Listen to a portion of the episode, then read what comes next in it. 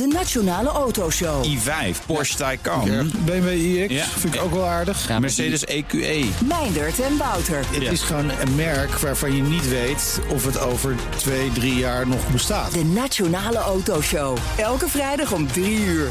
De Nationale Autoshow wordt mede mogelijk gemaakt door Van Mossel. Van Mossel, voor mobiliteit voor iedereen. Tech Update.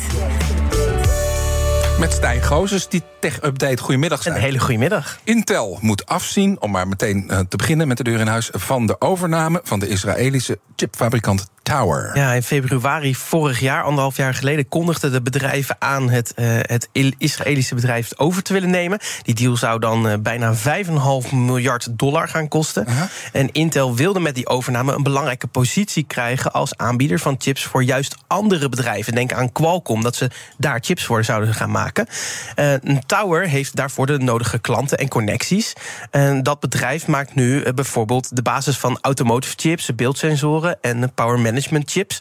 Maar de overname gaat nu dus niet door. En dat komt omdat sommige toezichthouders geen, eh, geen akkoord gegeven hebben. En met- En met toezichthouders bedoel je landen, hè? Landen, ja. Intel zegt niet welke landen er dan dwars liggen. Maar volgens Reuters gaat het in ieder geval om China.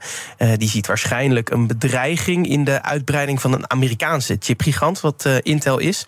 En de Chinese goedkeuring is dan weer nodig om zo'n overname door te laten gaan. Maar die is niet op tijd gekomen. En dat betekent eh, dat Intel nu een soort van schadevergoeding moet gaan betalen van maar liefst 353 miljoen dollar aan Tower.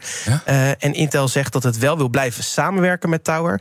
Er staat immers wel gewoon een, een nieuwe chipfabriek op de planning in Israël van zo'n 22,9 miljard Krijgen euro. ze misschien nog iets voor die 353 Precies. miljoen boete? Ja. En ja, Intel gaat zich uiteindelijk gewoon wel blijven focussen op die strategie om meer chips eh, voor andere partijen voor te, te, maken. eh, te maken, ja. alleen zonder Tower. Ja, ehm, eh, chips die goed zijn voor allerlei dingen. Voor AI weet ik niet precies, maar daar wil ik het wel met je over hebben. Die Google- zijn er wel. Ja, nee, maar goed, die chips die zijn multi-inzetbaar vaak. hè? Zeker.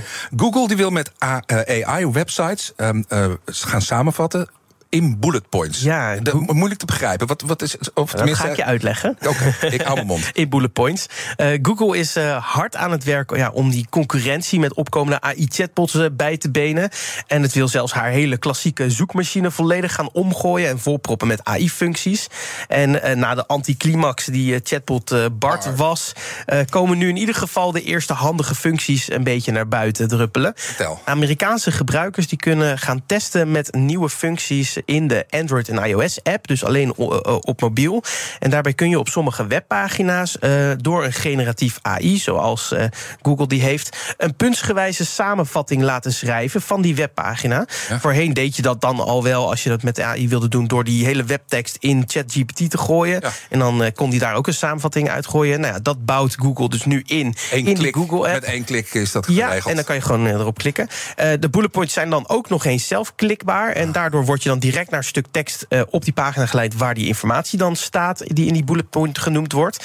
Eh, dus het is ja, best handig bij lange webteksten of lange artikelen. Eh, de functie werkt wel alleen nu nog in Amerika... en dan ook alleen op websites die publiekelijk toegankelijk zijn. Dus niet als hij achter een betaalmuur zit.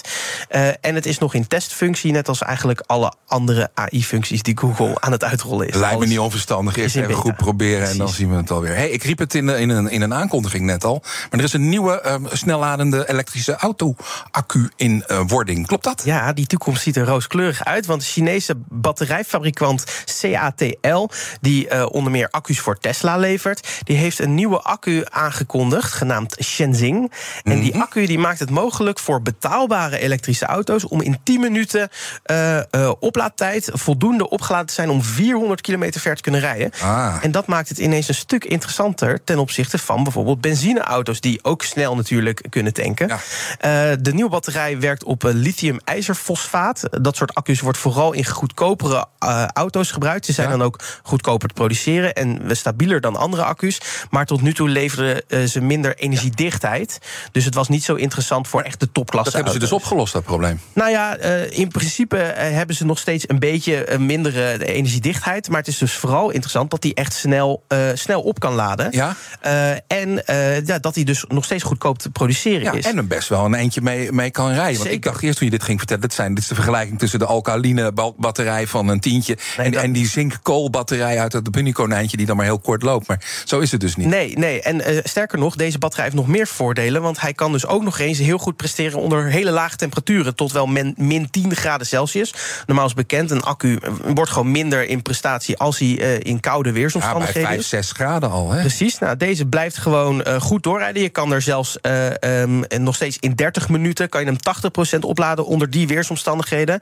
Eh, en eh, ja, de accu gaat zelfs eind dit jaar al in massaproductie. Dat betekent dat we volgend jaar de eerste auto's er al mee kunnen zien. Welke merken zijn dat? Ja, dat weten we nu nog niet, wie de primeur gaat krijgen. Maar de, de accumaker levert naast Tesla ook voor bijvoorbeeld Volkswagen, Volvo, BMW en Hyundai. Dus een van die merken verwacht ik dat die toch wel met zo'n auto gaat komen. Ik was een redelijke doorbraak in die business. Zeker, dus we gaan er nog wel meer van horen. Oké, dankjewel. Stijn Goosens. De BNR Tech Update wordt mede mogelijk gemaakt door Lenklen. Lenklen. Betrokken expertise, gedreven resultaten.